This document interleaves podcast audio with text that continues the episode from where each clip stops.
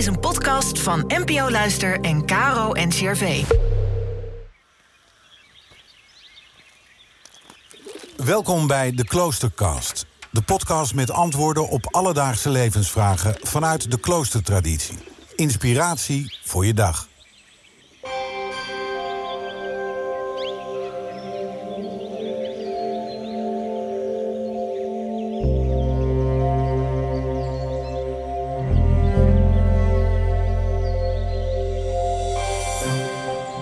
Gerard Matthijs is een Benedictijner monnik en voormalig abt van de Sint-Adelbert-abdij in Egmond. Hij geeft antwoord op de vraag: hoe kan een mens zich vrij voelen als hij opgesloten zit tussen vier muren? Oftewel, hoe vrij is een kloosterling eigenlijk?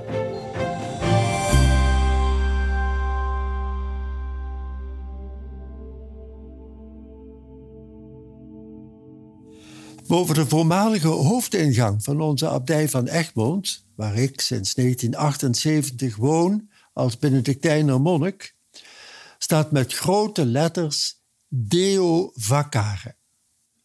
Voor de meeste bezoekers zijn dat woorden waarvan ze de betekenis min of meer kunnen raden. Deus is het Latijnse woord voor God. Vacare herinnert aan vakantie, vrije tijd en aan vacature, vrije plaats. Moeilijker is het om mee te gaan in de gedachte dat het leven in een abdij een monnik vrijheid oplevert. Wordt de dag daar niet beheerst door plichten die je verhinderen een eigen programma te maken, dingen te doen die je zelf uitkiest? Hoe kan een mens zich vrij voelen als hij zit opgesloten binnen vier muren, beloofd heeft gehoorzaam te zijn, niet over eigen geld beschikt, geen eigendommen heeft, zich naar een gezamenlijke dagindeling moet voegen en dat een leven lang. Is dat geen gevangenis? Well, the proof of the pudding is in the eating. Proefondervindelijk ervaar je of dit leven je ruimte biedt of benauwend werkt. Dat is wat bedoeld wordt met het woord roeping.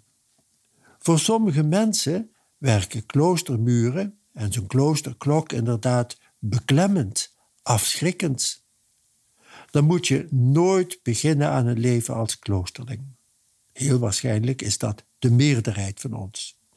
Maar vaker dan je zou denken, ervaren gasten die enkele dagen bij ons of in een andere abdij komen, heel vlug hoe weldadig het is te zijn opgenomen in zo'n dagritme, dat afwisseling biedt van gemeenschap en eenzaamheid, waarin ieder een eigen verantwoordelijkheid heeft en een eigen bijdrage mag leveren aan het geheel, steun ondervindt van huisgenoten en de ruimte krijgt om tijd te besteden aan eigen interesse.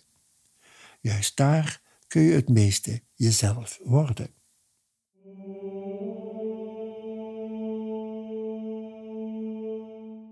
Een monastieke gemeenschap biedt dikwijls een boeiende mix van heel verschillende karakters, ieder met een eigen temperament, eigen liefhebberijen, eigen mogelijkheden.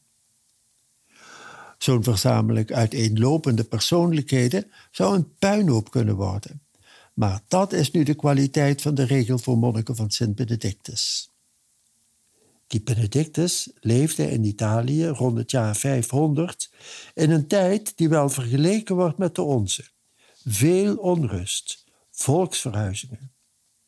Hij zocht in die trubbels naar balans in zijn eigen leven en bestudeerde daarom de geschriften van monniken in het nabije Oosten en Egypte en stelde tenslotte een regel voor monniken op voor zijn gemeenschap, maar die tot op heden de basis vormt voor het leven van veel monniken en monialen in heel de wereld. Die regel stemt de verschillende mensen op elkaar af, maakt hen tot een harmonisch geheel waarin ieder optimaal zichzelf kan zijn. De een houdt van werk in de natuur, een ander leeft zich uit in de keuken, een derde studeert graag of vindt het geweldig om gasten te ontvangen en het hen naar de zin te maken. De afwisseling in de dag behoedt voor eenzijdigheid, voor de verveling die monotone arbeid meebrengt. In een abdij zijn er vaste uren voor gebed, vaste uren voor lezing, voor ontspanning. De liturgie volgt het kerkelijk jaar, van de advent en de kerstkring, de veertien dagen tijd die doet toeleven naar het hoogfeest van Pasen, de juichende paastijd, vijftig dagen, en na Pinksteren de lange tijd door het jaar. Natuurlijk kent het leven in een abdij ook wel eens moeilijke momenten. Mindere dagen. Kan er een donkere periode zijn. Monniken zijn soms net mensen. Maar, zoals de regel van Sint Benedictus zegt, laat je dan niet afschrikken. Ontvlucht niet de weg van het heil, die aanvankelijk altijd nauw is. Naarmate men evenwel voortgang maakt in het monnikenleven, verruimt zich het hart en snelt men met een onuitsprekelijk blije liefde voort langs de weg van Gods geboden. Dat is het einde van de proloog van Sint Benedictus. En het geeft de jonge monnik die begint met dat leven, dat heel lang door kan gaan, moed om eraan te beginnen. En ik moet zeggen, het gaat nooit vervelen. Laat ons bidden. Liefdevolle God, wij bidden u dat wij het leven mogen ervaren als een geschenk. En geleid door uw geest kunnen bijdragen aan het geluk van anderen. Mogen die geest ons nooit ontbreken, maar ons inspireren tot dankbaarheid en vertrouwen, alle dagen van ons leven, door Jezus Christus, uw Zoon en onze Heer. Amen.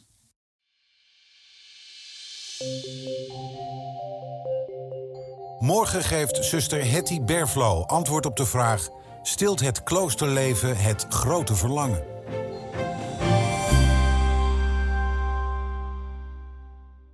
Dit was een podcast van NPO Radio 5 en KRO NCRV.